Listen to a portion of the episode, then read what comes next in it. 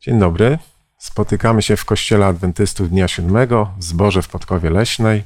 Dzisiaj chcemy podjąć bardzo ciekawy temat. Będziemy mówili, czym jest oddawanie.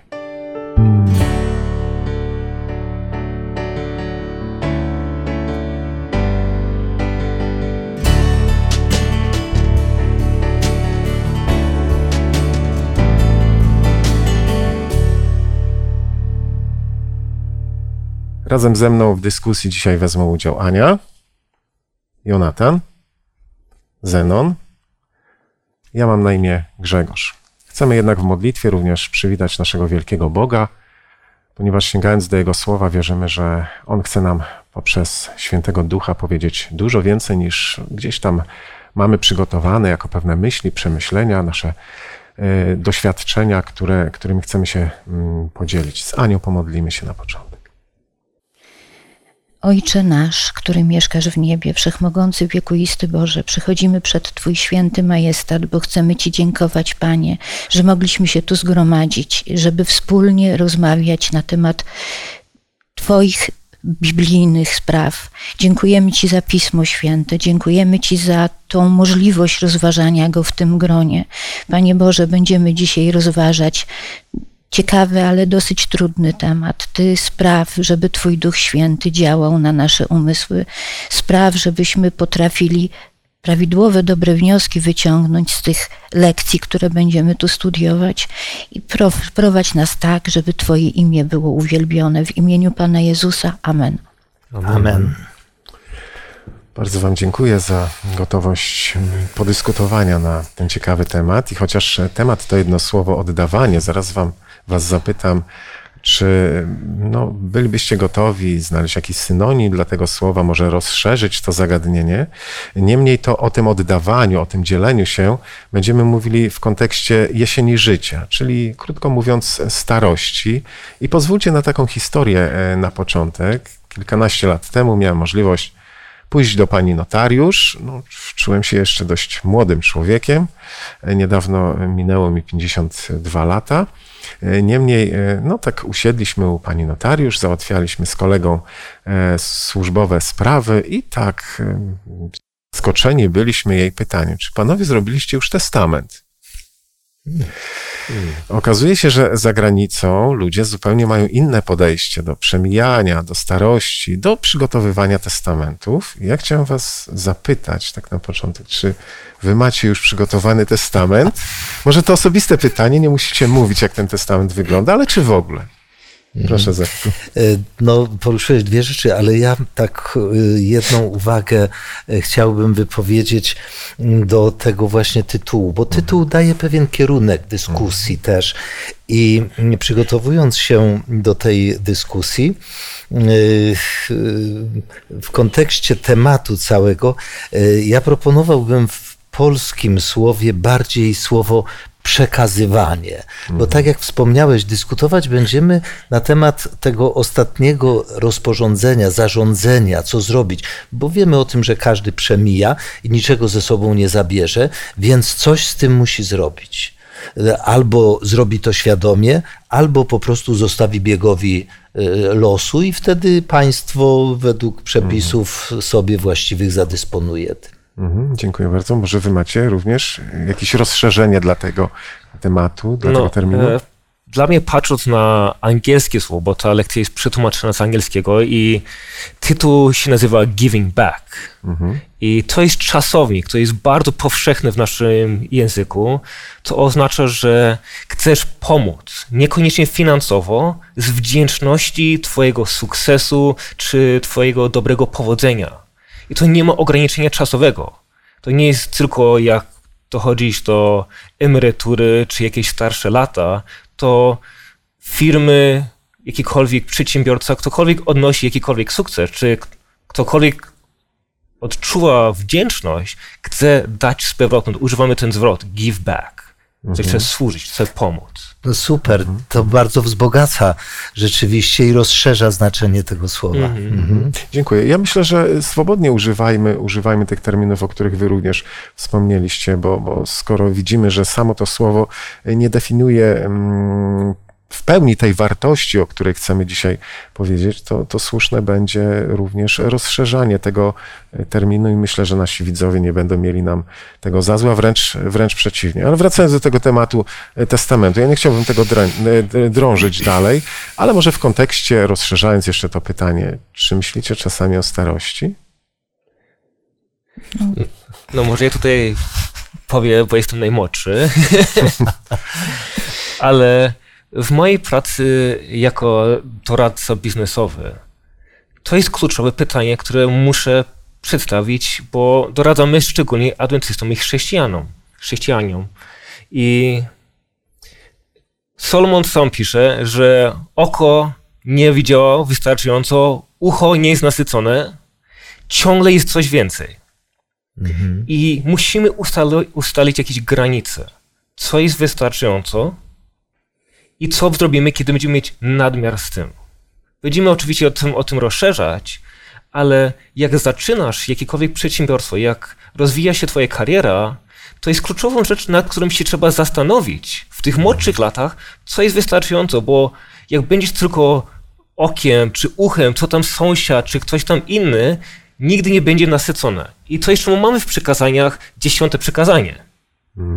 I to wiąże się już w młodszych latach, jak będziemy spędzić te starsze lata, czy będziemy ciągle dążyli za czymś więcej, czy będziemy już dzisiaj odkładać, nawet dzisiaj dawać, bo jesteśmy wdzięczni za to, co Bóg zrobił w naszym życiu dzisiaj, a nie tylko gdzieś tam za 30, 40, 50 lat. Mhm, tak, dziękuję bardzo. Proszę. Y, Myślę, że to pytanie, y, Grzegorz, które postawiłeś, czy Jonatan podkreślił, jest niezmiernie ważne.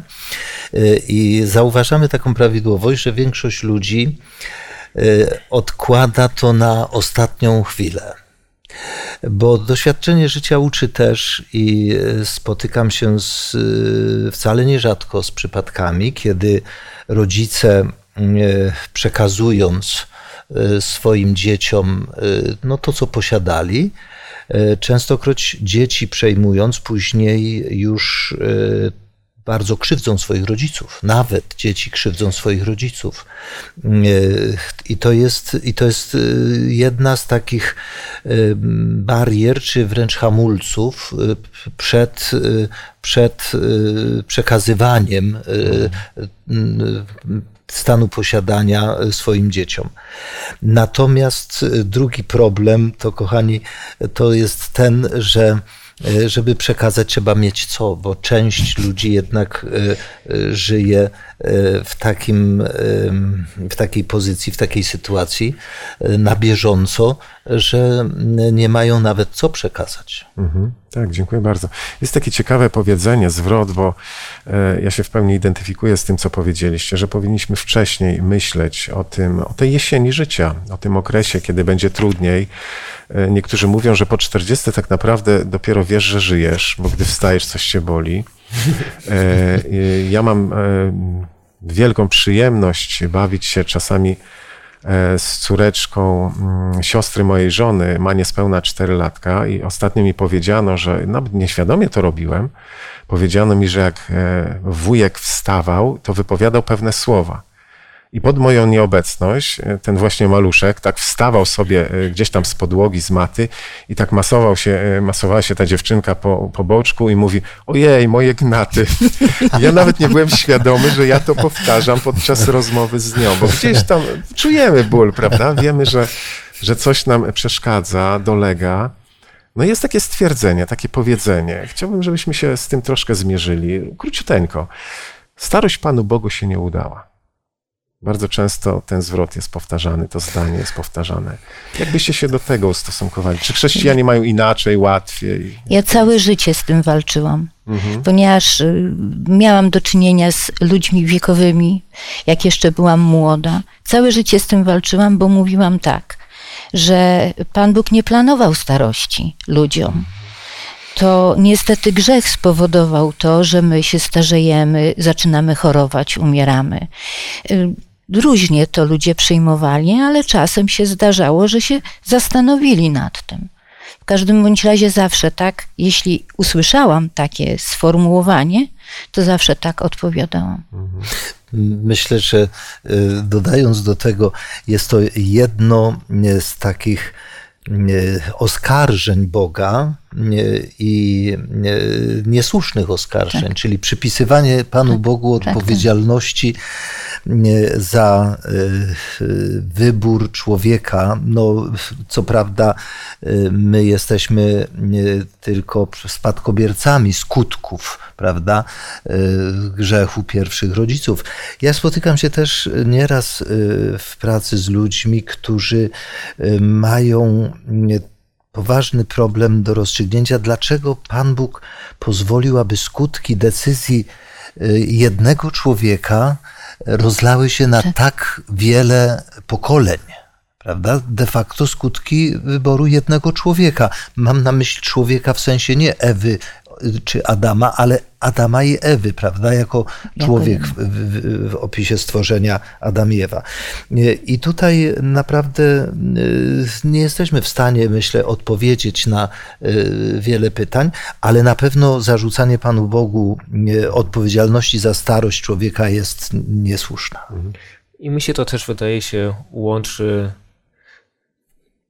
jak my podchodzimy do życia, ile bierzemy odpowiedzialności za siebie. Pracując e, wiele lat w różnych uzdrowiskach, centra zdrowia naszych adwentystycznych, miałem przywilej spotkać wiele starszych ludzi, którzy przychodzą z różnymi problemami zdrowotnymi, czy chcą utrzymać swój stan zdrowia. I były przykłady ludzi, którzy stosowali zasady zdrowia i byli bardziej aktywni, lepsze mieli zdrowie niż ludzie, którzy mieli 40 lat. I tak samo jest, czy to finanse, czy to zdrowie. Jak ktoś ma dyscyplinę i jakieś proste zasady stosuje, będzie miał z czego żyć, będzie miał czym się dzielić, mhm. czy to byt, czy to energię, aby służyć i, i być pokutowieństwem dla innych. Mhm. Aby się dzielić, bo powiedzieliście, że aby się dzielić, musimy zgromadzić najpierw. Jest taka ciekawa historia e, w Piśmie Świętym pokazana. Wydaje mi się, że dobrze by było, gdybyśmy ją przypomnieli i chwilkę, chwilkę tym wersetem się E, przyjrzeli, skomentowali je. Ona zawarta jest w Ewangelii e, Łukasza w 12 rozdziale, wiersze od 16 po 21. I ja już teraz postawię pytanie, co głupiego robił bogacz, o którym tam mowa, ale tę historię proszę bardzo, abyśmy e, przypomnieli sobie. Aniu, mógłbym poprosić tak. o przeczytanie? Czytam z ewangelicznego przekładu Instytutu Biblijnego. Następnie przytoczył im taką przypowieść. Pewnemu bogatemu człowiekowi dobrze obrodziło pole. Zaczął się więc zastanawiać, co tu zrobić.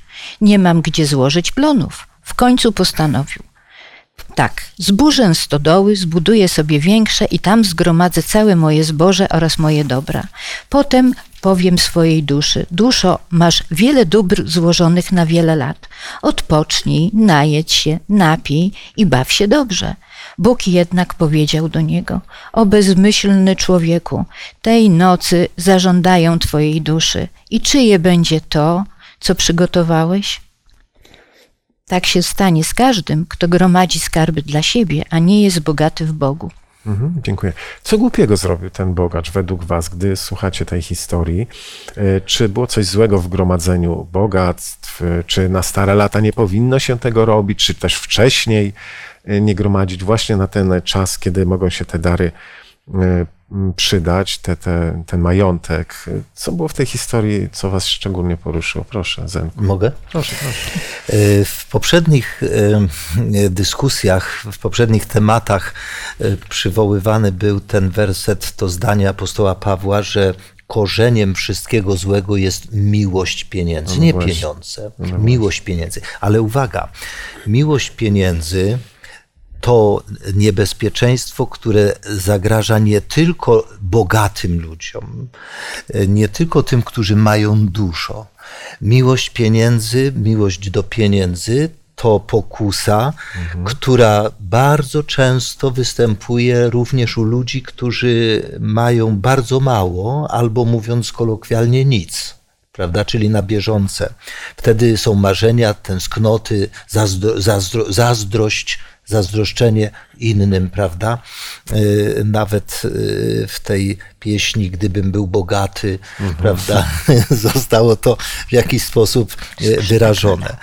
W związku z tym nie, właśnie nie, ten egoizm, tutaj też Pan Jezus wypunktował ten egoizm. Te słowa przypominają mi fragment psalmu y, 39 bodajże, gdzie y, y, autor tego psalmu, mówiąc o kruchości życia, mówi, że człowiek miota się, gromadzi, a nie wie, kto po nim to zbierze. Prawda?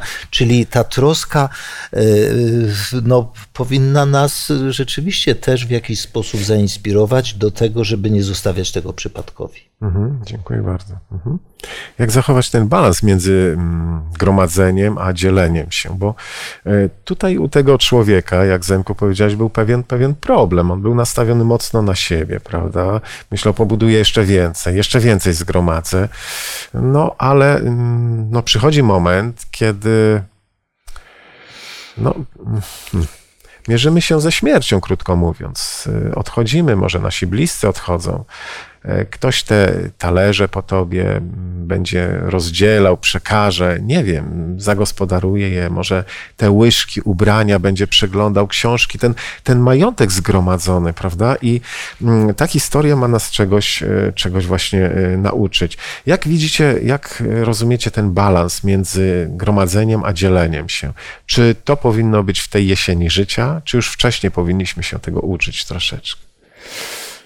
No, z mojego punktu widzenia to, to trzeba się zastanowić rzeczywistością, gdzie jesteś. Wspominaliśmy o różnych państwach, że one inaczej będą decydować, jak sam nie napiszesz testamentu.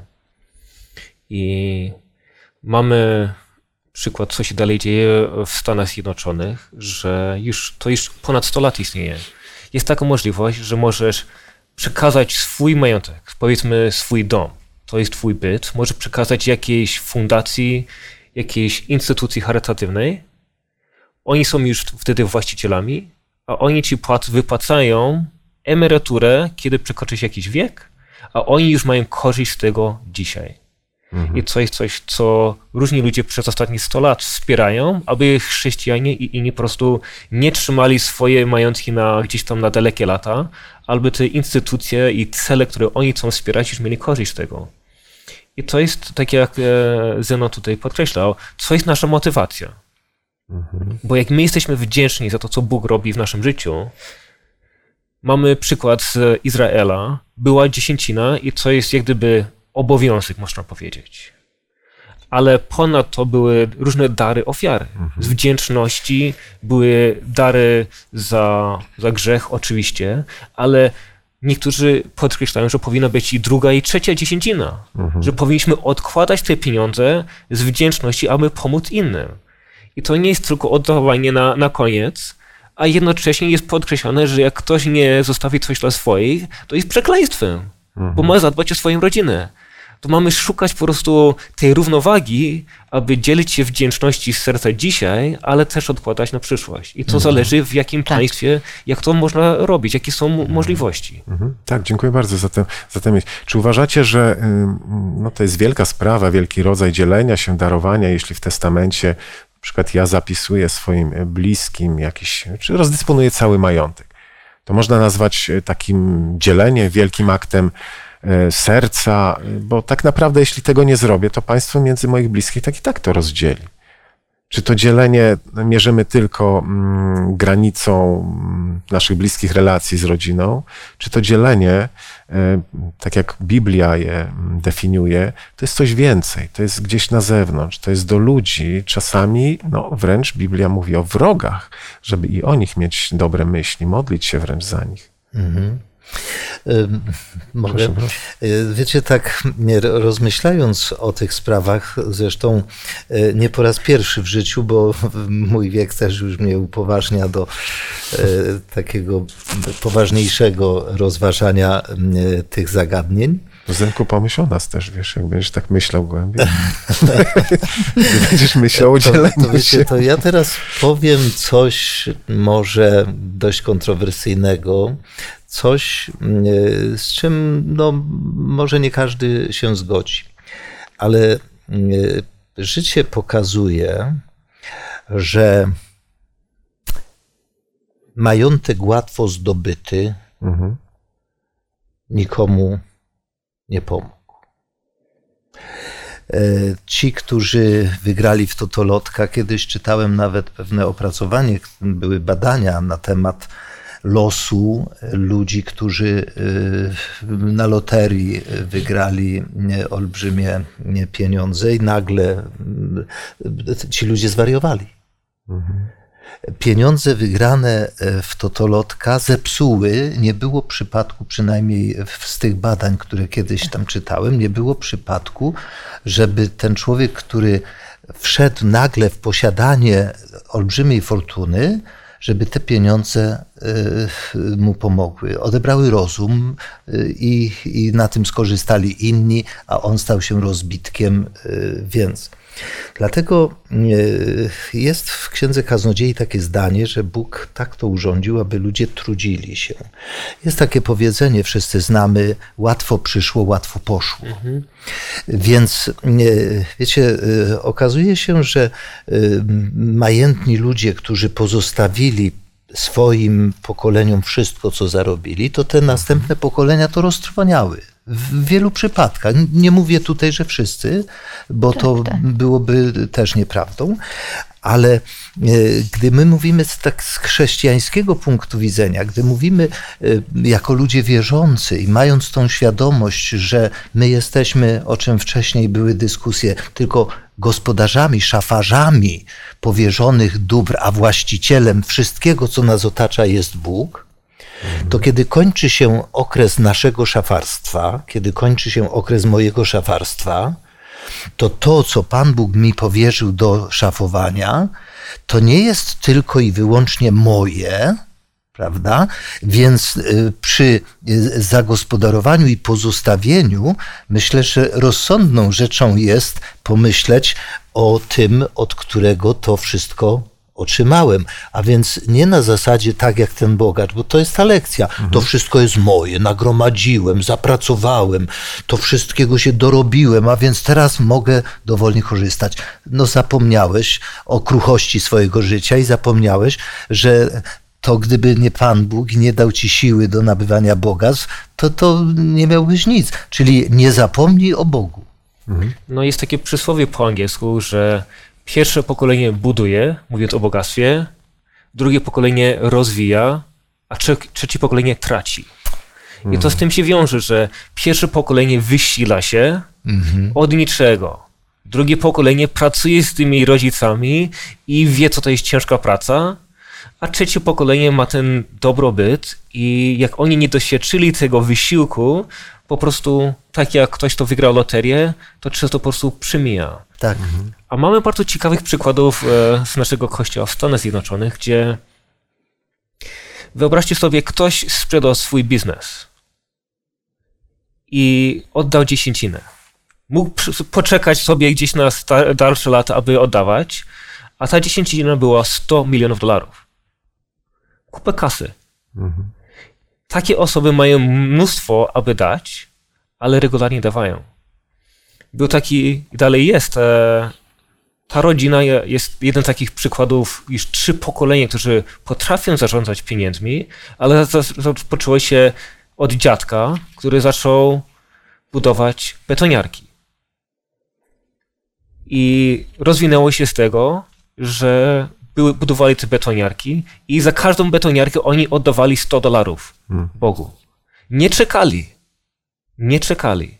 Skończyło się, że ta firma, co produkowała betoniarek, była taka potężna, że mówią, że jedna trzecia wszystkiego betonu wylanego w Stanach Zjednoczonych to było wylane przez ich betoniarki. Hmm.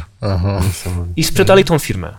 Mhm. Nie wiem ile, ale to na pewno sporo pieniędzy, ale oni nie czekali, aż sprzedadzą tą firmę, aby mhm. dawać Bogu. I to jest ponad dziesięcinę. Od każdej betoniarki oni dawali.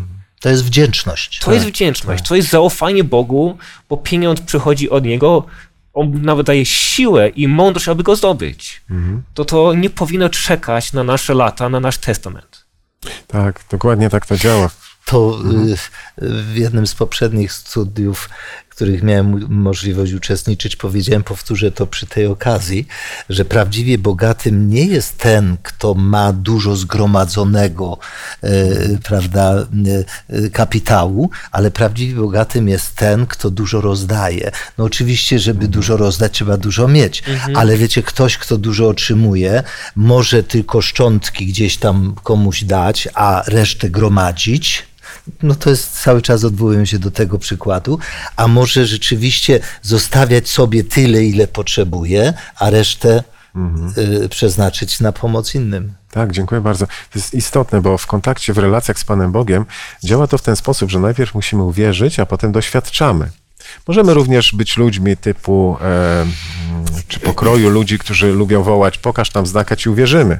Więc najpierw chcemy doświadczyć, a potem ci uwierzymy. Tak to nie działa. Jeśli uwierzysz najpierw, Zobaczysz. zobaczysz, doświadczysz, a później przychodzi też ta, e, też ta wdzięczność. Popatrzcie, ile tu mamy niebezpieczeństw, prawda? Można coś zatracić. Bogactwo zgromadzone przez naszych e, przodków. E, Możemy gromadzić jeszcze więcej. Brak tej umiejętności dzielenia się. Możemy być altruistami, rozdać wszystko. W nieumiejętny sposób można również rozdać wszystko. Pozwólcie na taką historię. Pewna anegdota. Jeden z bankierów pojechał latem na Rivierę, no i pewne dwie dziewczyny podeszły do niego, ponieważ zbierały na cele charytatywne pieniądze. On z radością oczywiście wyjął książeczkę czekową, napisał dużą sumę, wręczył im, one się bardzo ucieszyły i on odszedł. Po chwili słyszy takie wołanie, ponieważ te dwie dziewczyny biegną za nim i mówią mu tak, przepraszamy najmocniej, ale szanowny pan zapomniał o umieszczeniu na czeku swego czcigodnego podpisu. Po czym ten bankier opowiada, cóż, jestem człowiekiem skromnym, unikam rozgłosu, pragnę zostać anonimowym ofiarodawcą. Więc można, można i tak do tego, e, do tego, wiecie, podchodzić, ale ja tutaj chciałbym e, troszkę, jak mówimy kolokwialnie, e, włożyć kij w mrowisko, ponieważ z jednej strony są myśli, które wskazują na to, że nadzy przyszliśmy, nadzy odejdziemy. Mówiliśmy dużo o gromadzeniu, mówiliśmy dużo o przyszłości, o tej jesieni życia. Już powtórzę to kolejny raz. Ale Biblia wskazuje nam, że jeden dzień tak naprawdę do nas należy. I to jest dzisiaj. I z jednej strony mamy myśli, które wskazują na to, że powinniśmy planować, myśleć o przyszłości, gromadzić. Z drugiej strony Pan Jezus mówi: troszcie się o dzień dzisiejszy, bo nie wiecie, co was jutro spotka, bo tak naprawdę nie wiemy. Prawda? Może to być ostatni dzień naszego życia, a może Pan Bóg darować nam kolejny i kolejny wiele, wiele lat. Na przeszłość też nie mamy wpływu. Jak to połączyć z tym, że mamy tak naprawdę do dyspozycji dzisiaj? Mogę? Proszę bardzo. E, Powszechnie jest to chyba powszechnie. Myślę, że wielu zna e, tą, em, to, tą wypowiedź, to zdanie. E, Z informacji znanych mnie jest to wypowiedź Izaka Newtona. E, Jego przyjaciele m, przyszli do niego kiedyś i zapytali Izak, jak przeżyłbyś dzisiejszy dzień, gdybyś wiedział, że jest to ostatni dzień Twojego życia? E, Gdy pierwszy raz to czytałem, spotkałem się, e, powiem, że głęboko dotknęło mnie to pytanie. I tak pomyślałem sobie z zainteresowaniem, co też Izaak odpowiedział. No i wiemy, zanotowano, e, że Izaak odpowiedział swoim przyjaciołom: Przeżyłbym go dokładnie tak, jak zaplanowałem. Byłem zaskoczony tą odpowiedzią.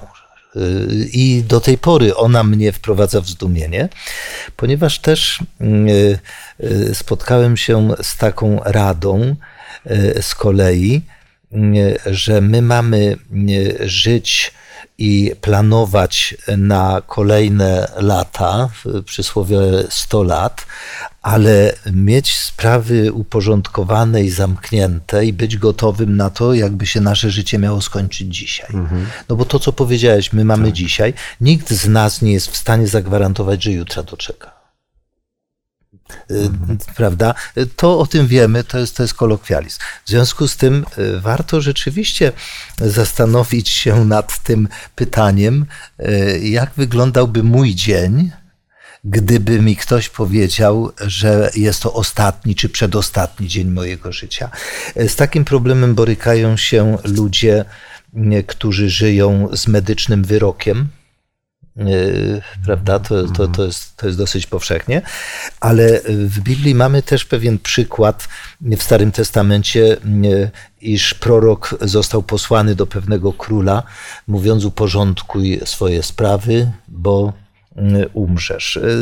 To tylko przywołuje tutaj tą, tą historię, dlatego żebyśmy też z tych lekcji jaką, jakiś wniosek dla siebie wyciągnęli. Mhm. Dziękuję bardzo.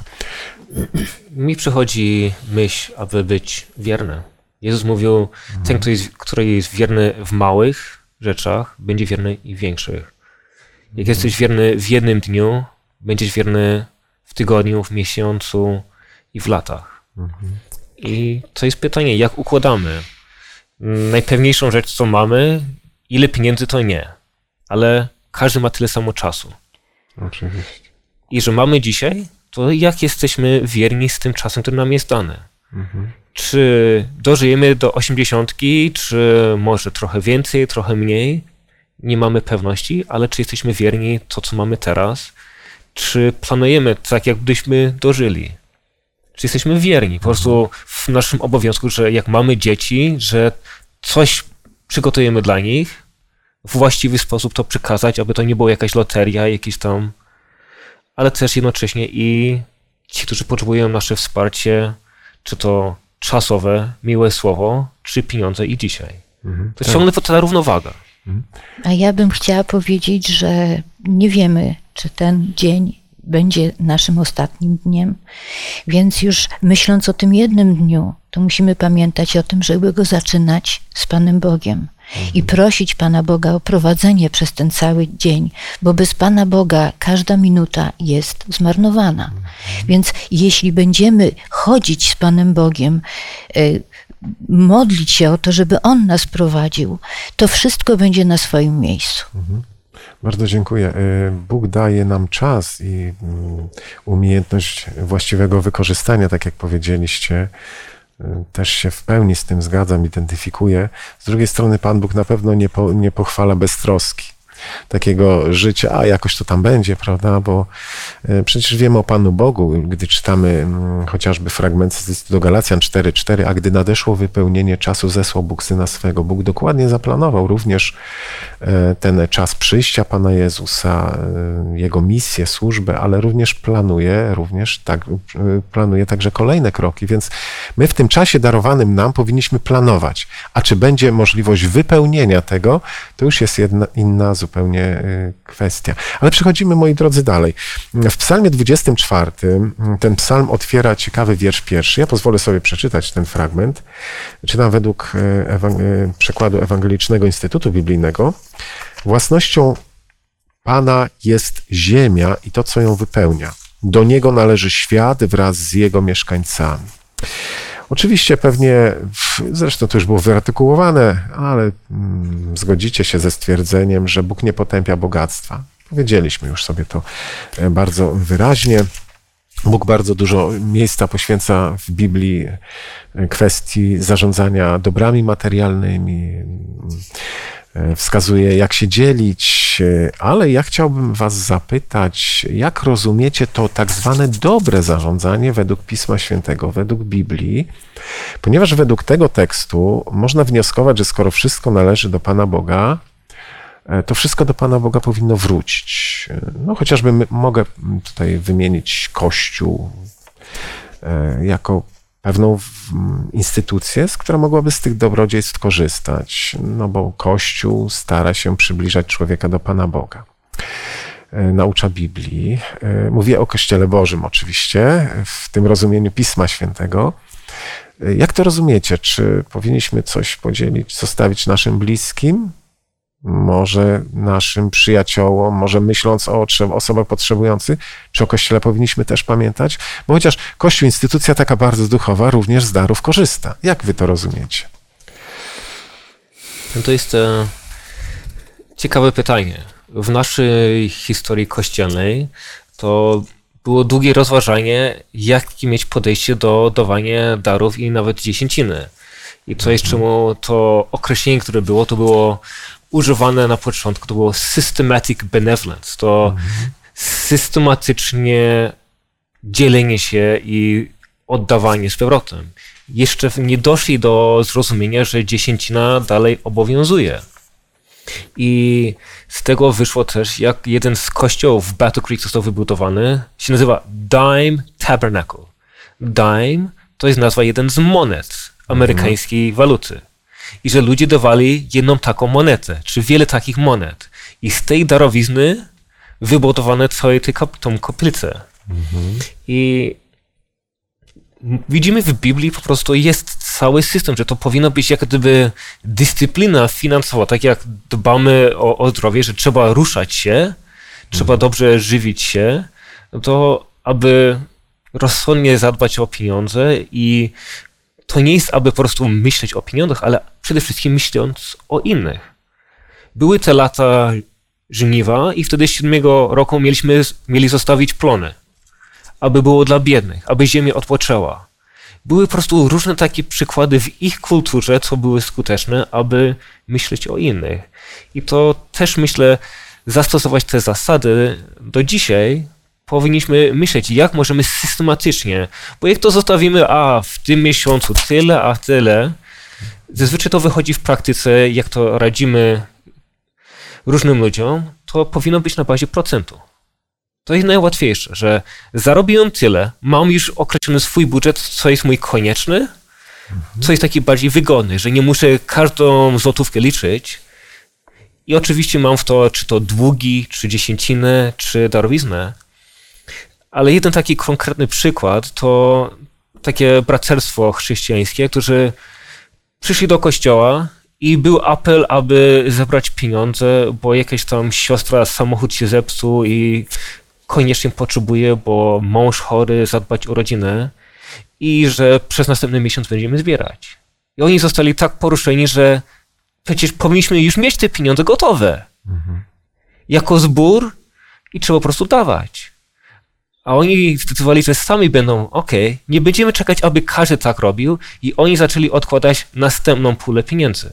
Poza dziesięciną, które oni oddawają od wiele lat, stworzyli następne konto. I mają teraz wspólne, rodzinne konto, czy to żona, czy to syn jedzie na, na zjazd gdzieś i ktoś tam jest w potrzebie, dzwoni do ojca, hej, tata, ktoś tutaj ma po, jakieś takie problemy, czy możemy mi pomóc? Oczywiście, da- daj namiar konta i, i przelejemy. To jest takie nastawienie, które to trzeba wyuczyć. To nie przychodzi przez przypadek i to trzeba wysiłku i często myślimy, że jak damy Bogu, to zrobiliśmy właściwe, ale mi się wydaje, że to się wiąże z tym, że jesteśmy, można powiedzieć, leniwi i łatwiejsze to jest rozwiązanie, aby mieć poczucie, zrobiłem coś szlachetnego, ale zaniedbałem to systematyczne dawanie przez całe życie i aby też wciągnąć to swoją rodzinę, czy inni ludzie, którzy mi podlegają. Mhm, mhm, dziękuję bardzo. Mhm, Proszę. Myślę, że warto w tym miejscu też przypomnieć i podkreślić, że istnieją dwa rodzaje wartości. Y, Jedna, jeden rodzaj to wartości materialne.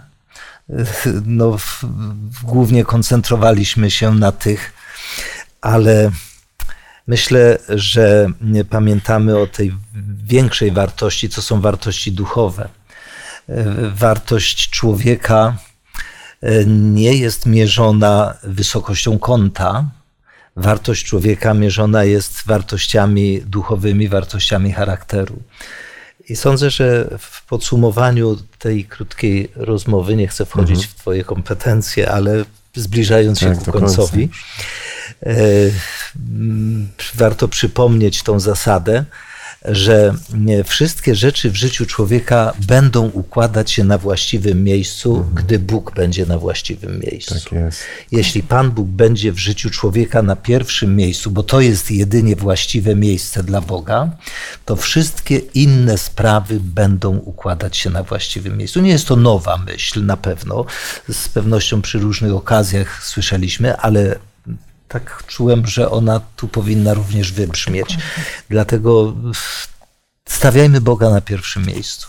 Mhm. Bardzo dziękuję za to. Myślę, że również było podkreślone ta zasada, że my nie tyle zarządzamy, co szafujemy. My nie jesteśmy właścicielami, może tak to powinienem określić, tylko szafujemy czymś, czy zarządzamy czymś w okresie naszego życia.